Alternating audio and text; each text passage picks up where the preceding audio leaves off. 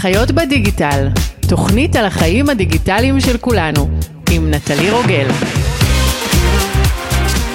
שלום לכולם ולכולן, צהריים טובים, ברוכים הבאים לפרק נוסף של חיות בדיגיטל, תוכנית על החיים הדיגיטליים של כולנו. בכל תוכנית נדבר על תחום מהותי בחיינו, מהזווית הדיגיטלית שלו ועל ההשפעה שלו על החיים שלנו. על הפרק היום, כל מה שרציתם לדעת על AI. האורחים שלי היום הם מומחים בתחום, כל אחד אה, בתחומו. יובל אמיר, בעל תארים בביולוגיה וחקר המוח, עוסק מזה שני עשורים בניהול מוצר בחברות הייטק, בעיקר בסטארט-אפים. כיום יזם המוביל עם בנו נועם, יוטיובר מהבולטים בארץ, את האקדמיה של בלו דרופ, mm-hmm. מיזם מהפכני ללימוד היסטוריה. יצר מיזם שמאפשר להתנסות ביצירת ארט, מבוסס קונספט מילולי. incrediarts.com. אמרתי את זה נכון? כן, כן. דוקטור יניב אלטשולר הוא מדען ויזם בתחום הבינה המלאכותית. יניב הוא חוקר ב-MIT, שם הוא עובד על פיתוח תיאוריות מתמטיות המאפשרות חיזוי יעיל של התנהגות אנושית. הוא פרסם שלושה ספרים בתחום הבינה המלאכותית ועשרות של, מאמר, של מאמרים מדעיים בתחום. בעשור האחרון עסק יניב בסיוע למגוון חברות עסקיות מובילות בעולם, לעשות שימוש בטכנולוגיה, כמו גם בעבודה, בעבודה עם גופים ממשלתיים ברחבי העולם. בימים אלו מקדיש יניב את זמנו לשימוש בבינה מלאכותית בתחום שינוי האקלים. היי, מה קורה? היי, הכל טוב. אז אני שמחה מאוד לארח את שניכם. אמ, קודם כל, זה הדבר הראשון שתפס אותי פשוט כאילו, לפני שאנחנו בכלל מתחילים לדבר על הדבר הזה שנקרא AI, שאני מרגישה שזה ממש ממש ממש תפס תאוצה בשנה, שנתיים האחרונות, לפחות בקרב יותר, הרבה אנשים, נכון? אמ, איך משפיעים בבינה מלאכותית על האקלים? דווקא להתחיל מהסוף. להתחיל מהסוף, בדיוק. להתחיל מהסוף. אמ, אז אחרי שביליתי באמת אה, כעשור בעבודה עם אה, חברות, אה, בעיקר בתחום הפיננסים, בנקים, חברות שיווק גדולות בעולם, ממשלות, גופים ביטחוניים, שאלתי את עצמי לפני כמעט שנתיים, אה, איך אפשר לעזור לבעיה הזאת שהיא בעצם כנראה אחת הבעיות הכי challenging of our time, אה, והאם יש משהו שאני יכול לתרום מהזווית שלי, והתחלתי ללמוד את הנושא, ובעצם כשנחשפתי אליו, הבנתי שהרבה אנשים מוטרדים קשיות פלסטיק או מטסלה אל מול רכבי בנזין, אבל uh, בסופו של דבר, uh, רוב ההשפעה על ההתחממות הגלובלית מגיעה מגורמים שהרבה אנשים פחות חושבים עליהם, uh, שזה בעיקר גרפסים של פרות. אני חשבתי שזה קקי של כבשים. לא, לא, אז 87% יוצא מקדימה, okay. אוקיי. ו-13% בערך יוצא מאחורה. כן, ו... ובעיקר וואו, פרות. וואו. כן, מדהים. למעשה, אם תיקחי את אוכלוסיית הפרות העולמית ותתייחסי אליהם כמדינה, אז ההשפעה של אה, מדינת הפרות הזאת על ה global warming תהיה בערך שקולה בעוצמתה, אפילו קצת יותר, אה, מהשפעה של כל ארצות הברית. זאת אומרת, ארצות הברית... כולל תעשייה, רכב, אה, חקלאות, הכל combined, זה שקול בערך מהגרפסים של אוכלוסיית הפרות העולמית. מטורף, אוקיי. הבנתי. אמ, אבל זה לא באמת, זה כאילו, זה לא יכול להשפיע נגיד אה, על, על סופות אה, למיניהם שקורות ברחבי העולם. זה כאילו נקודתית אה, לבחון את הנושא הזה של ההתחממות הגלובלית, שזה בעצם הנושא העיקרי ש... אז, אז מה שמעניין זה שפרות, כשהן עושות גרפסים, הן מייצרות הרבה מתאן. ומתאן, אה, מה שמעניין בו זה שהוא משפיע על ההתחממות הגלובלית ועל האקלים הרבה יותר מאשר CO2. כולם מוטרדים מ-CO2 אה, ומנסים אה, או to capture אותו או למנוע את היצירה שלו, אבל מתאן משפיע פי 84 יותר מ-CO2 וגם הרבה יותר מהר, ומתאן גם מתפרק הרבה יותר מהר. זאת אומרת שפתרונות שעוסקים בפחמן דו-חמצני, אנחנו נראה את ההשפעה שלהם עוד 20 שנה, עוד 50 שנה, שזה זה חשוב כמובן, אבל uh, זה לא uh, מהר מספיק. כן. ומתאן מתפרק תוך שלוש שנים, ולכן כל טכנולוגיות שנשתמש בהן היום, אנחנו כבר נראה ממש בשנים הקרובות את האימפקט שלהם, והוא כמובן יהיה across the board uh, על כל דבר, התחממות, סופות, הרי זה מערכת... Uh, אקלים היא מערכת כאוטית, ששינויים קטנים משפיעים בצורה בלתי ניתנת לחיזוי, לפעמים גם אם אנחנו רואים את הסופה הקרה ביותר של המאה, כמו שהיה בשבוע שעבר, אז זה גם דבר שכמובן אנחנו לא רוצים, ובאופן כללי, תנודתיות, וולטיליטי, זה דבר שאנחנו היינו שמחים שיהיה פחות ממנו. אז, אבל שאלת אותי איך בינה מלאכותית משפיעה. אז פרות עושות גרפסים כשמערכת העיכול שלהם יוצאת מאיזון, וזה יכול לקרות מהרבה סיבות, או שמחליפים להם את האוכל, או שהאקלים משתנה, או שהן נלחצות, אה, או משנים להם את השעה של האכילה. הרבה מאוד דברים, אה, כמובן פתוגנים כאלה ואחרים, יכולים לגרום לשינוי בתהליך העיכול שלהם, אה, ומאוד מאוד קשה לדעת, בהינתן עדר מסוים, האם, מה, מה הסיבה שהוא פולט בעצם עכשיו הרבה מאוד מתאן. ויש בשוק הרבה מאוד תוספים שמנסים למנוע, זה כמו פרוביוטיקה לפרות. חלק מבוססים שום, אורגנו, אצות, שמרים, המון המון סוגים של okay. אוקיי. תוספים, ובעצם היצרני התוספים באים ואומרים לחקלאים, הנה קחו את התוסף שום שלי ותנו לפרות שלכם, וזה יוריד להם את הפליטת מתאן וגם יעלה את תפוקת החלב, כי, כי בעצם זה כמו, זה כמו מנוע, פרה זה מנוע, שלפעמים הוא דולף, ובמקום שכל האנרגיה תישאר בפנים ותייצר בשר וחלב, אז היא יוצאת החוצה ומורידה את התפוקה של העיקר ומזהמת את הסביבה. אז בעצם למה הדבר דומה? זה כמו שאני אגיד לך, אה, קחי אבץ, כולם צריכים לקחת אבץ, מי שחסר לו, מי שיש לו, מי שזה בכלל לא רלוונטי לו, שכולם יקחו אבץ. אז לחלק מהאנשים זה כמובן יעזור, ולחלק אולי זה אפילו יפגע, והרבה אנשים זה אה, לא ישנה להם את המצב בכלל.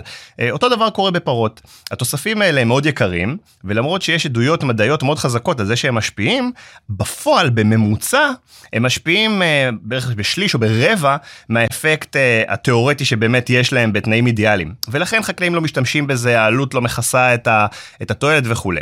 אה, כמו שבאנשים הרבה יותר הגיוני להגיד בוא נעשה בדיקת דם נראה מה חסר אתה תיקח אבץ אתה תיקח ויטמין A אתה ויטמין C אתה whatever גם בפרות היה נחמד אם היינו יודעים לעשות להם איזושהי בדיקה ולהבין מה התוסף שרלוונטי להם. הבעיה היא שבפרות התחום הזה הוא אה, אה, מאוד אה, בראשיתי, מדובר על המיקרוביום, זאת אומרת החיידקים שחיים בבטן של הפרה, כן, לא במעיים, זה הצד השני, okay. אוקיי. בכרס. Okay. אוקיי.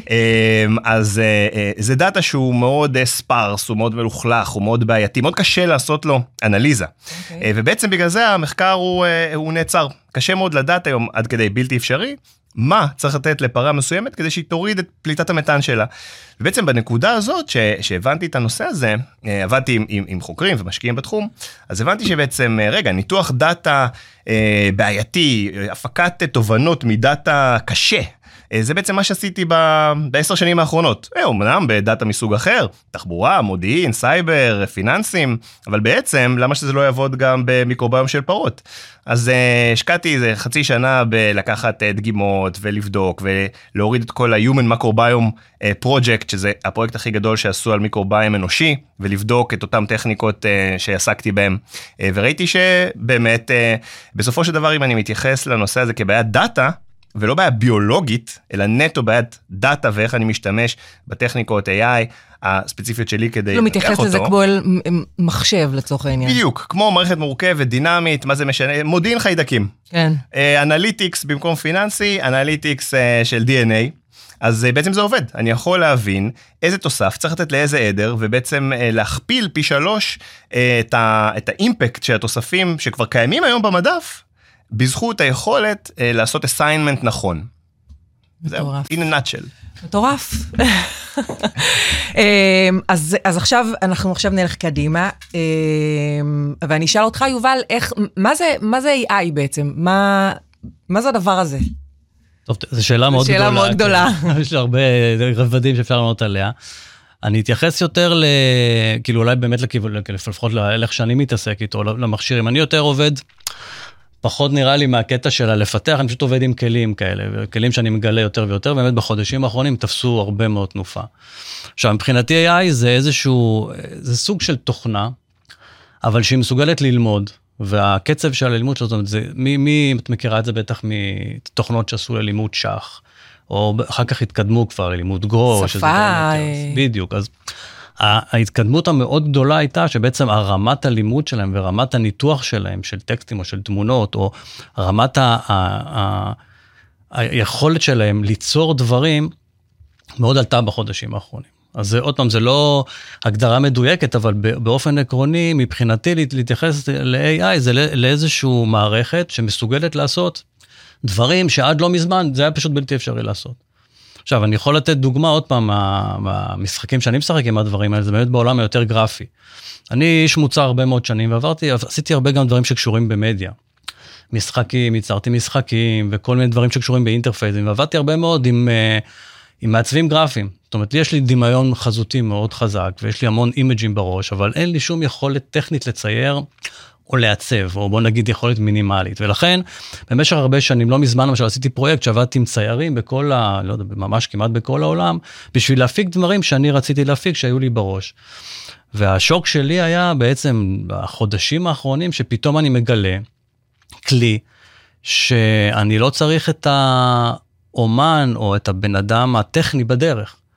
ואז אני יכול לבוא עם, וזה כל הכלים שאת נותנת להם טקסטים, הם מייצרים תמונות, ואז בעצם אני בא ואני אומר, תשמע, אני רוצה תמונה של ככה וככה וככה, והוא פשוט יוצר לי תמונה שהיא נראית כמו תמונת אומנות בכל רמה שהיא. עכשיו, זה לא כזה פשוט, וצריך ללמוד איך לעבוד עם התוכנות. אני מתאר לעצמי שבעתיד זה יהיה הרבה יותר פשוט, אבל בינתיים זה פשוט ללמוד איזושהי שפה של איך בעצם אני מדבר עם ה-AI הזה, ועד היום לא הייתי יכול לעשות את זה, זה אולי, זאת אומרת, מה, אני פשוט נותן לו הנחיות, והוא מבין את ההנחיה, או לפחות אני יודע איך להגיד לו את זה בדרך שהוא יבין אותה, ויעשה לי את השינויים הגרפיים הניתנים, וזה פשוט... הקצב שזה מתקדם הוא לא ייאמן, זאת אומרת מרמה של דברים שניסיתי לפני חודשיים שלושה ועד דברים שאני יכול לעשות היום. אה, זה, שזה זה, כאילו עבר כבר התפתחות אה, זה עובר התפתחויות, עוד פעם, מדברים הרבה על זה שאנשים לא יכולים להעביר התפתחות אקספוננציאלית ב, ב, בידע או במידע או בהתקדמות. ופה ממש מתחילים להרגיש את זה, זאת אומרת, כל שבוע, כל שבועיים, זה לא עניין של שנים. זה עניין של קשה מאוד לחזות מה יהיה פה עוד שנה ספורים. או עוד חמש שנים, כי הקצב כל כך מהיר והכל פרוץ, ועכשיו מה, ש, מה שמאוד חם זה באמת האנשים שמדמיינים רק מה אפשר לעשות עם הכלים האלה ולאיפה זה לוקח אותם. אני רוצה להעלות אה, דוגמה אה, חן, ברשותך, של אה, הדברים שיובל שלח לי. כשאני נתתי לו הגדרה פשוטה של הפודקאסט, או שהוא בעצמו אה, אה, לקח אה, זה, אתה יכול להיכנס ל... תרד אה, טיפה למטה, הנה, הנה, התמונה הכי שמאלית, הכי שמאלית, תעלה עוד אחד, בדיוק, זאתי. אז נגיד, זה דוגמה לתמונה אחת. אה, שלמעשה, מה, מה הייתה ההגדרה שלה? כאילו, אתה יכול לספר טיפה על, על התהליך? אה, לא, לא יודע אם כתוב שם, אבל באופן עקרוני, כן, זה, זה למשל דוגמה של, אה, צריך להבין, כל עבודה היא תהליך. זה לא שאני בא ואומר לו, תעשה לי אה, תמונה לפודקאסט כזה וכזה והוא יודע לעשות. זה בעתיד, דרך אגב, אני חושב שכן. אבל היום יש עדיין איזשהו תיווך שבעצם אני צריך לקחת קונספט, להבין אותו, לראות איך אני מבין את הקונספט ולתרגם אותו למכשיר כדי שידע לעשות לי. אז, ואני יכול לתת לו כל הזמן פידבקים. אז פה אני חושב שניסיתי להגיד לו, אה, חיים דיגיטליים, אה, משהו כזה שיותר דומה לשם של הפודקאסט, הוא נתן לי דברים מאוד מאוד vague, זאת אומרת, הם נראו ברורים, קצת, אבל... קצת בדיוניים כאלה. גם הרבה בדיוניים, וגם לא קשורים במה שלי היה בראש, לפחות איך שאני ראיתי את זה. ואז בעצם אני חושב שלתמונה הזאתי, אה, זה כבר היה ממש, אה, אני רוצה... לא, יש עוד תמונה לידה. הירוקה, כן. זו, זו תמונה כבר שעשיתי יותר קרוב, אה אוקיי, אז התמונה הראשונה דרך אגב שהראינו, זה מה שאמרתי לו, אני רוצה חצי סייבורג, חצי, זאת אומרת חצי בן אדם, חצי מכונה, שיושבת עם אישה, שיושבת עם אוזניות, והתחלתי לכוון אותו לאט לאט לקבל משהו שב image משהו שלי שידר, אוקיי, זה מתאים לקונספט שאני רוצה להביע. וזה דרך אגב דוגמה לאיך היום אנשים שעושים קמפיינים או, או מתחילים לעבוד עם הכלים האלה. אני, זה מדהים, אני רואה את זה, אני חושבת כאילו זה יכול להיות בקלות הלוגו של התוכנית, כאילו חלק מהלוגו של התוכנית. אז, אז זהו, זה למשל, אחרי שאני ביקשתי ממך, אז מה, מה, מה אמרת לי? את רוצה... אה, פודקאסט אה, שמדבר על ההשפעה של הדיגיטל על החיים היומיומיים, זה מה ש... וזה התיאור שנתתי לו, ואז התחלתי לכוון אותו, התחלתי לתת לו קצת יותר, קצת פחות, יש שם דוגמאות גם אחר כך של תהליך העבודה, ואפשר לראות גם את, אני כל פעם משנה קצת את הטקסט, הוא נותן לי דברים אחרים, ואז הוא נותן לי... ש... נגיד לזה, בדיוק. הנה, אפשר לראות את, ה, את ההגדרה למעלה. הנה, אז, אז אפשר מה... לראות איזה, איזה טקסט אני נותן לו בעצם, ואז איך שזה עובד, נותן לי ארבע תמונות שונות, ואז אני אומר, אוקיי, למשל מאלה, אליי דיברה יותר האחרונה, ואותה בסוף אני בעצם, ביקשתי שעשה אה, ממנה אה, גרסה יותר אה, גדולה ומעודכנת, אבל זה בעצם ניסוי, ניסוי וטעייה. אני נותן לו, משנה בטקסט משהו, או משנה בקונסול, או משנה שם, זה לא רק טקסט תיאורי. אני יכול להגיד לו באמת מרמה של, אני רוצה שתעשה את זה כציור שמן, או ציור מים, או סקץ' של עיפרון, או לרמה את זה כמו, ממש כמו תמונה שצולמה במצלמה מסוימת, בעדשה מסוימת. זאת אומרת, זה פשוט וואו. מדהים, היכולת... רמות המיקרו שאתה יכול אה, כן, ו- ברזולוציות, ובשביל כאילו להסביר מאוד... לו מה בעצם אני רוצה אה, להוציא ב- בשורה התחתונה. איזה סוג של מוצר. מדהים. טוב, כל- הדברים האלה אני אעלה אחרי זה לעמוד הפייסבוק של חיות בדיגיטל. אז, אז, אה, אז יניב, מה, מה ההשפעה של, של ה-AI כבר כרגע? כאילו, איפה אנחנו יכולים לראות את זה? באיזה עולמות זה ממש כבר חי ו, ובועט?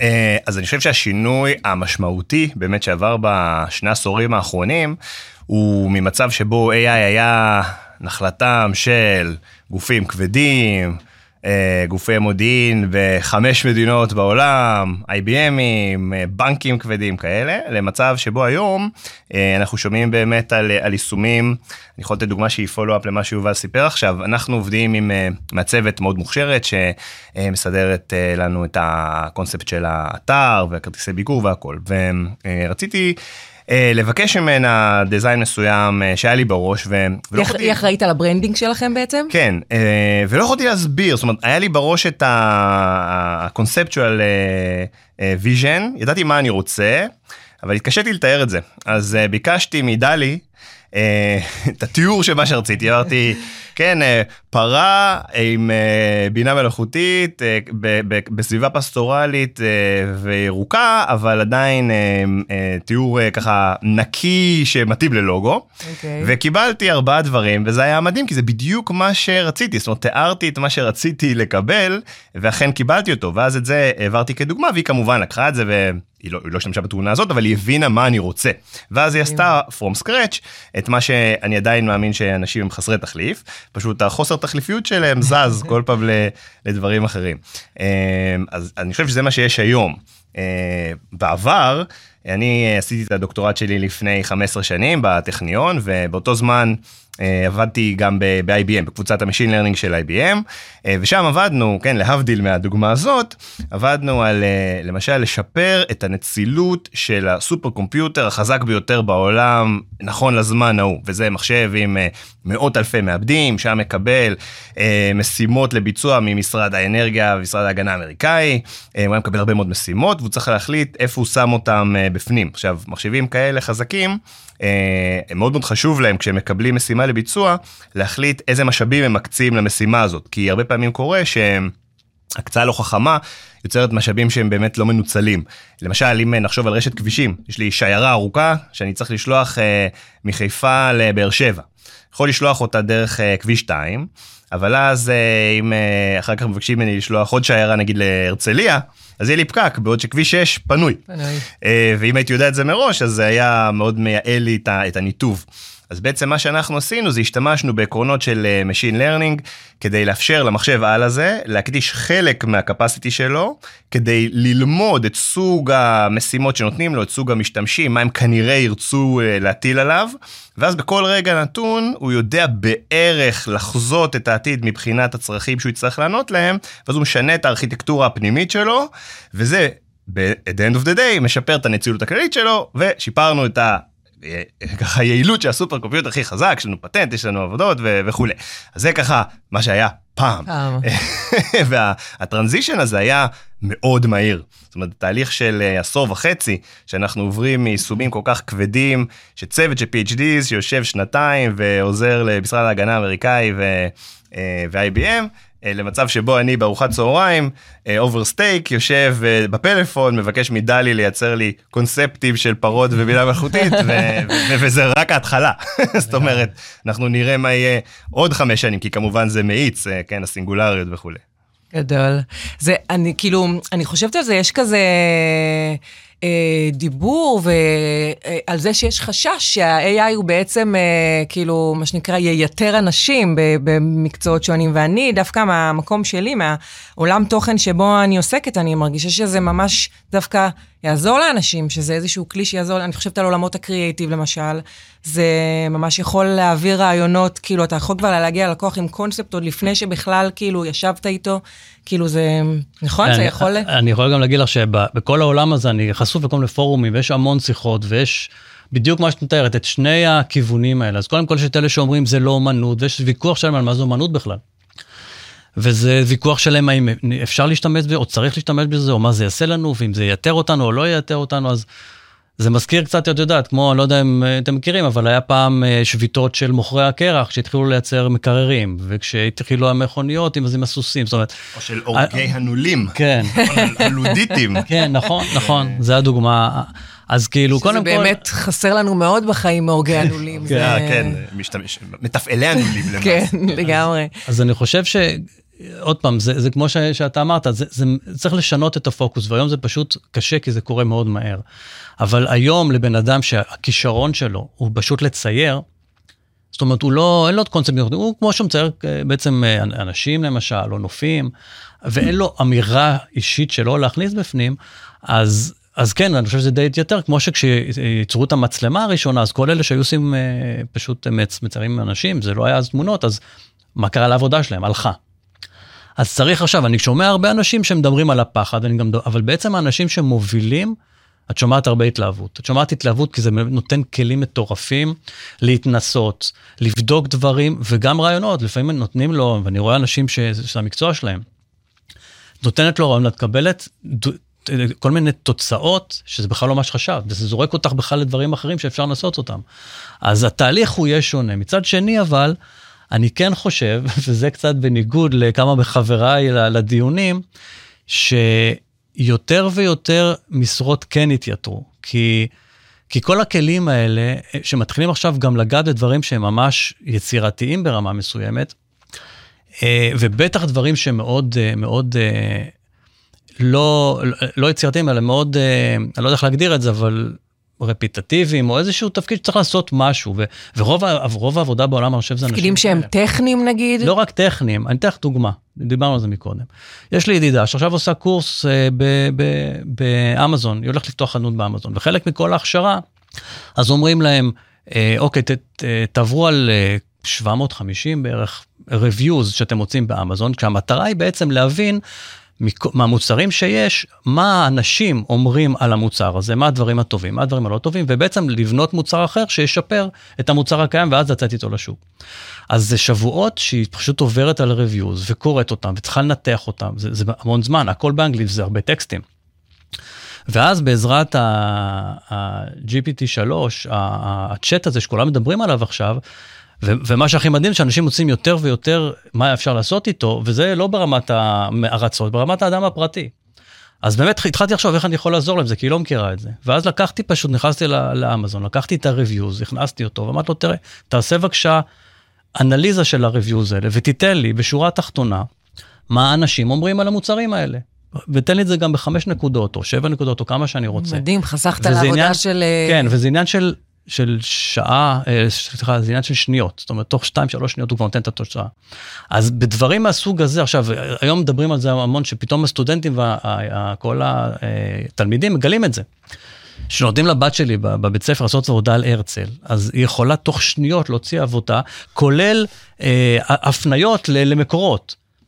אז קודם כל יהיה מאוד קשה לדעת מה ומה, אבל זה, אני חושב שהדיון היותר מעניין פה זה באמת מה הכישורים שאנחנו צריכים, כי, כי יכול להיות שלקחת הרבה מידע ולעשות אנליזה, זה לא הקטע שבו אנחנו יכולים לתרום יותר מאשר מכונה. ובעתיד בטח שלא. אנשים יוכלו למכור אה, צירות שהם עשו ב-AI לדעתך? קודם כל, זה כבר קורה. עכשיו, וזה גם כן שאלה שמדברים הרבה על, על זכויות יוצרים בעצם, אז, אז מבחינה לפחות חוקית, כל הכלים האלה אתה יכול לעשות עם התוצרים מה שאתה רוצה, אתה יכול למכור עם זה, אתה יכול להציג את זה. אתה צריך לתת אה, קרדיט ולהגיד מאיפה עשית את זה, שאני לא יודע כמה עושים וכמה לא, אבל זה מאוד מקובל. אה, אבל כן, אפשר למכור דברים כאלה, וזה באמת, זה, זה דיון מאוד מאוד עמוק, מה זה בעצם אומנות. ובוויכוחים שהיו לי, זאת אומרת, שאני למשל מראה עבודות מהסוג שעשיתי, אז אומרים לי, כן, אבל זה לא, אתה יודע, אתה לא, זה לא באמת אומנות. אז אני לא יודע, זה, זה יש קשה. יש על זה ויכוח, זה כמו עולמות ה-NFT, שכאילו היה ויכוח... נכון. ששם הדיון הוא אחר, אבל מבחינתי לפחות אומנות, זה אם אני יכול לעשות איזו תוצאה שתעורר רגש אצל בן אדם, אז זה משהו אומנותי, כאילו. ויכול להיות, דרך אגב, שאני אלך למוזיאון, נראה תמונה עגולה של משהו שמישהו עשה, ואחרי שזה אומנות שלי, זה פחות מדבר אליי. אז זה עוד פעם, אבל זה, יש הרבה אנשים שיגידו שאומנות הם יגדירו בצורה שונה, וזה שאלות שהן לא פתורות והמשיכו להתווכח עליהן. נכון. אבל שורה התחתונה, עבודה כבר שנעשתה בכלים כאלה זכתה בתחרות, כשהוא אמר שהוא עשה את זה, זה עדיין לא מכירים לגמרי את התחום. ונתחיל לראות יותר ויותר עבודות מהסוג הזה בכל מקום. היה כבר uh, קמפיין, קמפיין שעשה, uh, לא זוכר את הפרטים, של איש פרסום, שעשה קמפיין ראשון, ואז הוא היה צריך למשל מה שהוא היה צריך לעשות זה לעשות אה, קמפיין. שכל הקמפיין היה באמצעות AI. קמפיין של תמונות. גם החלק הוויזואלי, גם... אפשר לעשות היום הכל, גם את הטקסטואלי, גם יכול לתת לך דוגמאות אחר כך, וגם את החלק הוויזואלי. גם החלק השיווקי, כאילו... אני, לא, אני כרגע מדבר רק על הוויזואלי, תחשבי שעכשיו באים ואומרים לך, אוקיי, אני רוצה עכשיו לעשות אה, אה, קמפיין ל, למתנחלים שהם אה, באיזו סיטואציה מסוימת. אז, אז אני חושב שמה שהוא עושה, לקח תמונה של אישה דתייה, מחזיקה את הילד ליד אוטובוס, כאילו. ואת כל זה נתן את התיאור, ועכשיו תחשבו רק מה זה אומר ללכת לעשות אה, סשן של צילומים בשביל להגיע למשהו כזה. אין לזה, אז, אז, וכמובן שאפשר כבר להשתמש בזה. אחד הדברים, בשלבים הראשונים של התוכנה, אז, אז זה באמת היה ציורים שהם נראים יותר אומנותיים כאלה, אני יכול לראות אחר כך דוגמאות, אבל אני חושב שאחד הפעמים, אם תראי איזה תמונה אולי באמת, תראה שם את התמונה של האישה עם האנשוף. אני מניח שהשלב הבא יהיה לעשות קמפיינים מותאמים אישית, on כן, the כן, fly. הנה, אתה רואה פה מצד שני, שזה מגניב התמונה עם הקעקוע. זאת, אה, גם כן. אוקיי, אז זה למשל, זאת, זו דוגמה לפעם הראשונה שהם, הם, וזה זה הכל קרה במהלך של שבועות. התמונה, זאת אומרת, אפשר כבר להגיע איתה, זה, זה בשלב שהייתה קפיצה, והיה אפשר להגיע איתה לרמה של צילום. עכשיו, זה רעיון שלי שהיה, שרציתי לראות אישה עם ינשוף תת לראות כמה זה, אבל תחשבי, תמונה כזאת, שדרך אגב, רק שיהיה ברור, זה לא שהוא לקח את זה, הוא יצר את זה מכלום. עכשיו נגיד שהייתי צריך משהו כזה לקמפיין. אז ללכת למצוא דוגמנית שחורה... אפשר לראות את המרקם של, ה... של הכל. הסקין שלה, לגמרי, של. לגמרי. ת, תלך לפנים של ה... לפנים שלה. עכשיו, למצוא דוגמנית יפהפייה שחורה כזאת, שאני אצליח להושיב על הינשוף, שיעמוד ויסתכל למצלמה. תחשבו כמה זמן צריך להשקיע בדברים האלה, וזה עניין של שניות, דקות. מטורף. אז מה שזה פותח, זה, זה לאנש, לאנש, לאנשים היצירתיים, הקריאטיביים, זה עולם ומלואו, ואני באמת רואה... אנשים אה, נופלים, כאילו, זה, זה מדהים. לגמרי. אז, אה, אז איך, איך זה נראה אצלנו בבית, נגיד, כל העניין של, אה, של בינה מלאכותית? כאילו, אני זוכרת שלפני המון המון שנים, שהתחיל הווי-פיי, אז היה כזה דיבור כזה, שעוד, שבשנות האלפיים המתקדמות, אז כבר מקררים, ידעו להגיד לנו מה חסר, מה מקרר, וכל מיני כאלה. לא כזה כאילו, מתוחכם. כן, בדיוק. אז אני אומרת, כאילו, מה, אז, אז מה עכשיו בבית כבר יכול... אני חושב שזה יהיה... האימפקט הגדול יהיה כשלא תביני שיש לך שם בינה מלאכותית. כי היום אה, כשיש לך אה, אה, משהו שאת שמה לב, את אומרת, או, איזה יופי, הכלי הממוכן הזה עשה איזה משהו חמוד אוטומטי כזה.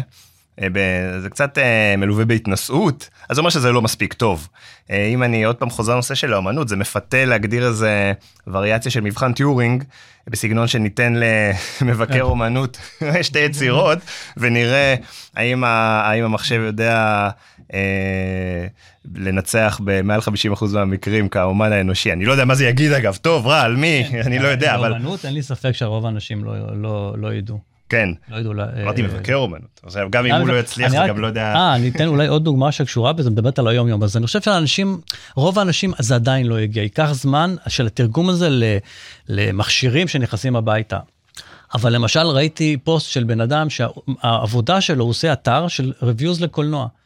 ואז הוא נכנס, והוא, והוא כתב את הפוסט הזה, אז הוא כתב, הוא נתן ל-GPT של הצ'אט הזה, של ה-AI, הוא אמר לו, תכתוב לי בבקשה review על הסרט הזה והזה, שיכלול ככה וככה זוויות, הוא נתן לו איזה כמה הדרכות, והוא הוציא לו ישר מאמר.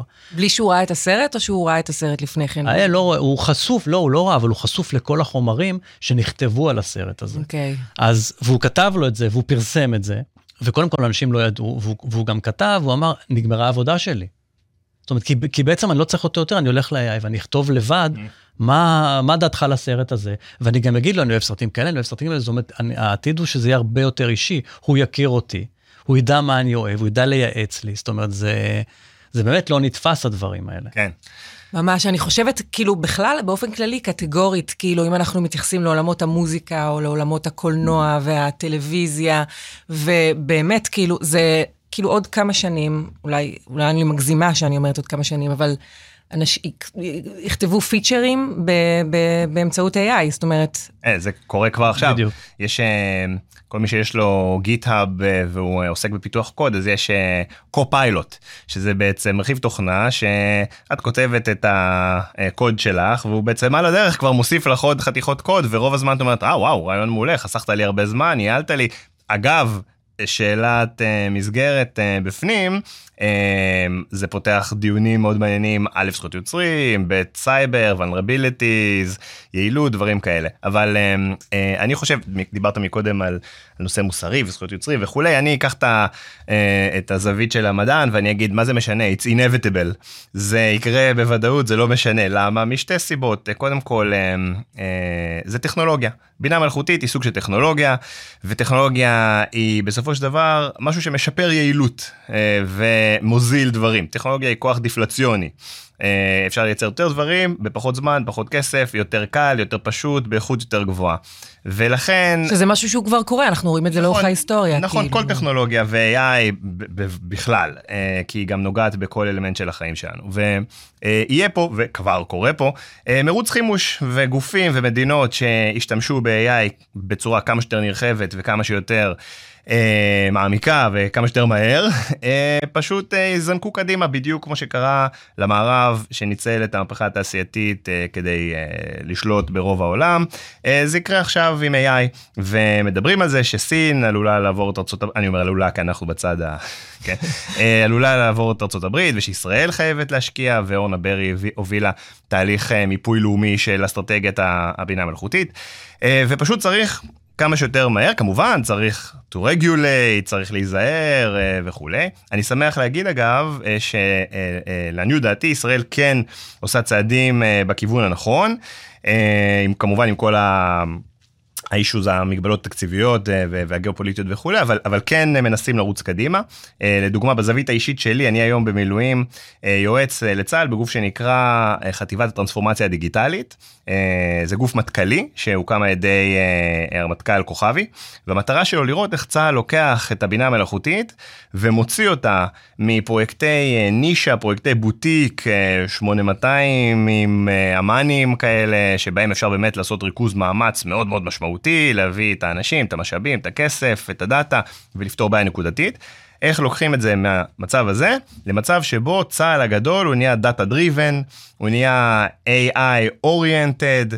אה, וזה אה, ברמות הגבוהות ביותר. ממש כאילו גם ביטחונית זה, יש לזה השפעה. כלל צה"לי כולל אה, שינוי הפקודות, כולל שינוי הקוד האתי של צה"ל שמתייחס עכשיו ל data, יש נספחי data בכל פקודה מבצעית. עכשיו תגידי למה זה חשוב הקוד האתי? יש אנשים שזה חשוב להם, למה זה חשוב לצה"ל? זה חשוב כי אם אנחנו לא מתייחסים לזה, אז האירופאים והאמריקאים לא ימכרו לנו GPUs ולא ימכרו לנו חלקי חילוף של מחשבים, הארדיסקים, כי אין לנו הבטחה בסוף. של compliance לקוד האתי שלהם אה, לנושא AI. בגלל זה צריכים להיכנס כמה שיותר מהר, אה, וכמובן שה impact הוא מטורף. יש הרבה מאוד פרויקטים כבר עכשיו.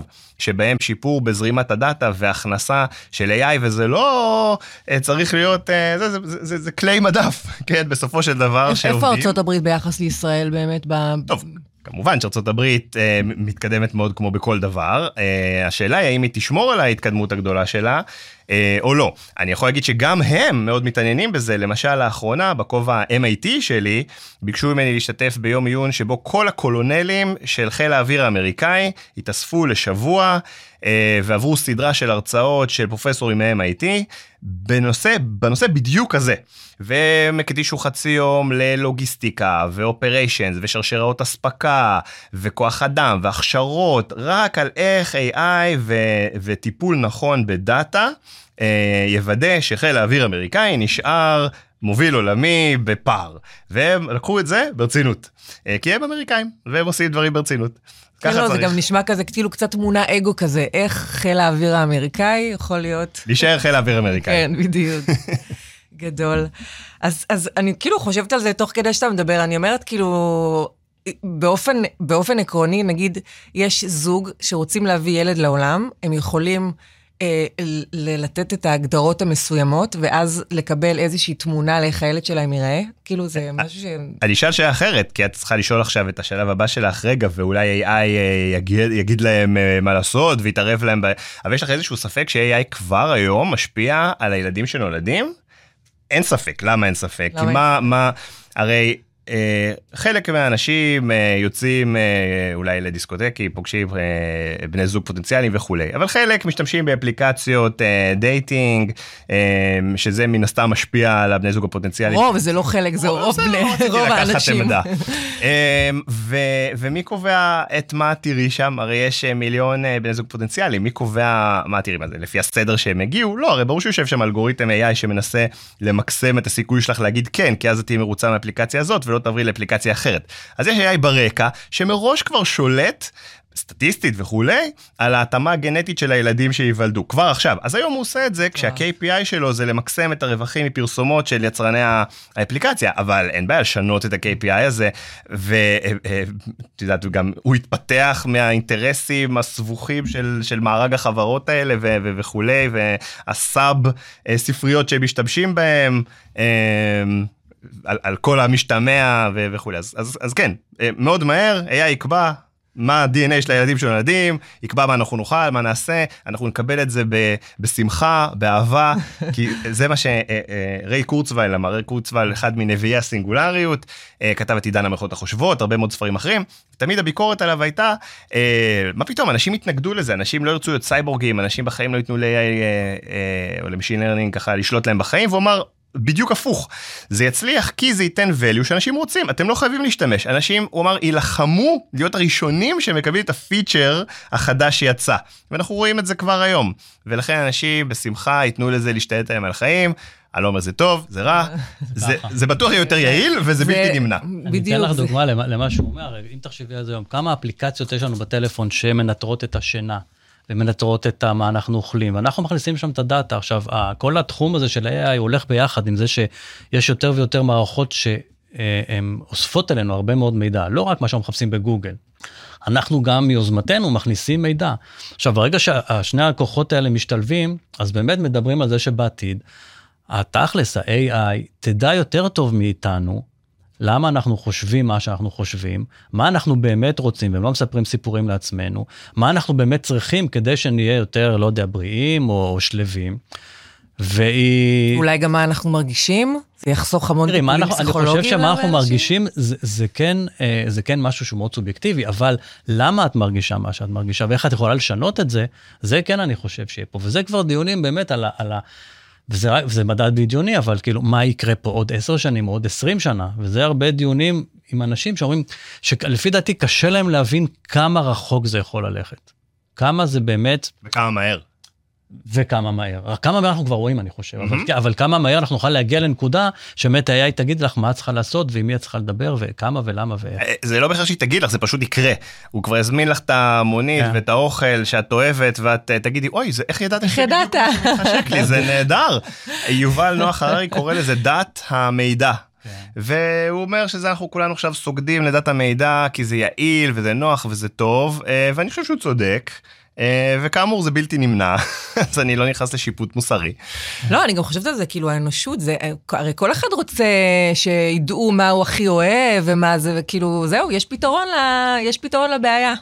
אמ, אמ, אז לקראת סיום אני אני אשמח לשמוע מכל אחד מכם מה החזון לעתיד מה מה מה הולך לקרות מה הולך להיות פה בעשור הקרוב. זה בדיוק דיברנו, אני חושב שזה מה שדיברנו עכשיו כן. בעצם, אז כאילו, קודם כל, קשה מאוד לחזות. כאילו כמה שאנחנו, כמה שאני לא יחסית משתדל להסתכל רחוק ואני קורא אנשים שמתעסקים עם זה, כל מה שקורה עכשיו הוא מאוד, uh, הוא מאוד מפתיע גם את אלה שמכירים את התחומים האלה, ולגמרי אני מסכים איתך, המהירות היא, היא הולכת וגדלה. אז אני לא חושב שמישהו היום יכול לתת תחזית למה יהיה פה עוד חמש שנים. אבל אני חושב שכולם מבינים יותר ויותר כמה זה הולך לקחת חלק בחיים שלנו, כמה זה הולך להשפיע על החיים בצורה מאוד דרסטית. בכל כיוון, זאת אומרת, תחשבו על רפואה, כל הכלים ש... זאת אומרת, לא דיברנו על זה, אבל למשל יש את, את החברה של ה-AI שלמדו איך לקפל חלבונים. Mm-hmm. שזה לא, לא ייאמן כמה זמן זה חוסך בהתקדמות הרפואית גם, ויש, וזה זה בכל כך הרבה נקודות, והקצב ילך, זאת אומרת ש, ש, שגם יובל נוח הררי וגם אה, אה, קורט, אה, ריי קורצוויל, אה, כן. ריי קורט, כן, גם שהם, שהם מדברים על זה שהאדם אולי נוכל לפתור בעיות כמו מוות, זה, זה מה שאריק קורצווייל הרי מנסה לעשות, נכון, הוא לוקח כן, כל יום אה, איזה 50 סוגי אה, כדורים ועושה כן, ספורט כן. כדי להגיע, לשרוד לנקודה שבה אנשים יחיו לנצח, אני לא חושב שזה יקרה, כן. אני חושב שהסינגולריות לא תראה ככה, היא תראה בדרך שמאוד קשה לנו לתפוס אותה, כן. אה, אנחנו לא נהיה כל אינדיבידואל יהיה מין God-like, אלא יחד האנושות. תעשה קפיצת מדרגה ביכולות שלה ובמהירות שהיא מעבדת תהליכים, אנחנו נהיה כמו תאים חיים בגוף שלא מודעים לזה שיש משהו שנקרא בן אדם, אבל, אה, אבל עדיין קיים דבר כזה שנקרא בן אדם. בסדר, שגם לזה יש פתרון, כי אחרי שאנחנו, כל אחד ילך לעולמו, אז יהיה אבטאר שימשיך לחיות נכון. נכון. אה, זה מה שריי קורצווייל עושה אגב, הוא משת... הוא... שמעת את, ה... את הפודקאסט הזה שהוא השתמש אה, ב-GPT כדי לאנדקס את כל הכתבים של אבא שלו שהלך אה. לעולמו בדיוק, ואז כן, הוא, כן. הוא מדבר איתו, הוא שואל אותו שאלות והוא עונה. והוא מקבל תשובות והוא אומר, דיברו "או, זה בדיוק כן. מה שאבא שלי היה אומר. אני לא יודעת אם זה מרגש או מפחיד. אז זהו, אני רוצה אבל. לקחת פה לאיזה נקודה שאני חושב עליה הרבה, וזה מאוד מעניין אם זה יקרה בעתיד, אבל כמה שאנחנו נלך בכיוון הזה, אז באמת הוא יכיר אותנו יותר ויותר. וכמו שאתה אומר, אני אוכל להתחיל לדבר איתו. עכשיו, מתישהו זה גם מתחבר עם אה, רובוטים ועם דמו, רובוטים דמויי אנוש, אבל רק תחשבי מה קורה כשבסופו של דבר יוכלו ליצור איזה רובוט או סייבורג או איזה משהו כזה שהוא כמו בן אדם, והוא יוכל גם אה, לחשוב ולדבר כמו בן אדם, ואז אני רציתי לקחת לך מחשבה על, על relationships. מה קורה מערכות זוגיות? זאת אומרת, תחשבי שאת תוכלי, במקום ללכת ולחפש ולשבור את הראש ולהכיר בן אדם והוא משתנה לך ואחר כך מתגרשים ואחר כך זה, במקום זה יוכל להיות לך איזשהו משהו שנראה כמו בן אדם, את גם תוכלי להגדיר איך הוא נראה. אה, לצורך העניין, את תרגישי אליו כמו בן אדם, תוכלי אפילו לפתח רגשות, אבל הוא ידע בדיוק מה את רוצה ומה הצרכים שלך. והוא לא יעצבן אותך, והוא לא יעשה דברים שאת לא רוצה, והוא תמיד יזרום, והוא תמיד יכוון אותך איך את תוכלי להתקדם יותר בחיים. אז, אז למה שאנשים יחפשו בני זוג? זה מאוד מפחיד מה שאתה אומר כרגע. זה שונה. אה, טוב, אני מקווה מאוד שאנחנו כבר לא נהיה פה, שזה יהיה השלב הזה, המוזר הזה, אבל... אה, אבל טוב, תשמעו, חברים, זה מרתק, אנחנו יכולים להמשיך לדבר על זה עוד הרבה. תודה רבה לכם שהגעתם לאולפן. אנחנו נשתמע בעוד שבועיים בתוכנית נוספת של חיות בדיגיטל. בינתיים, תשמרו על עצמכם. יאללה ביי.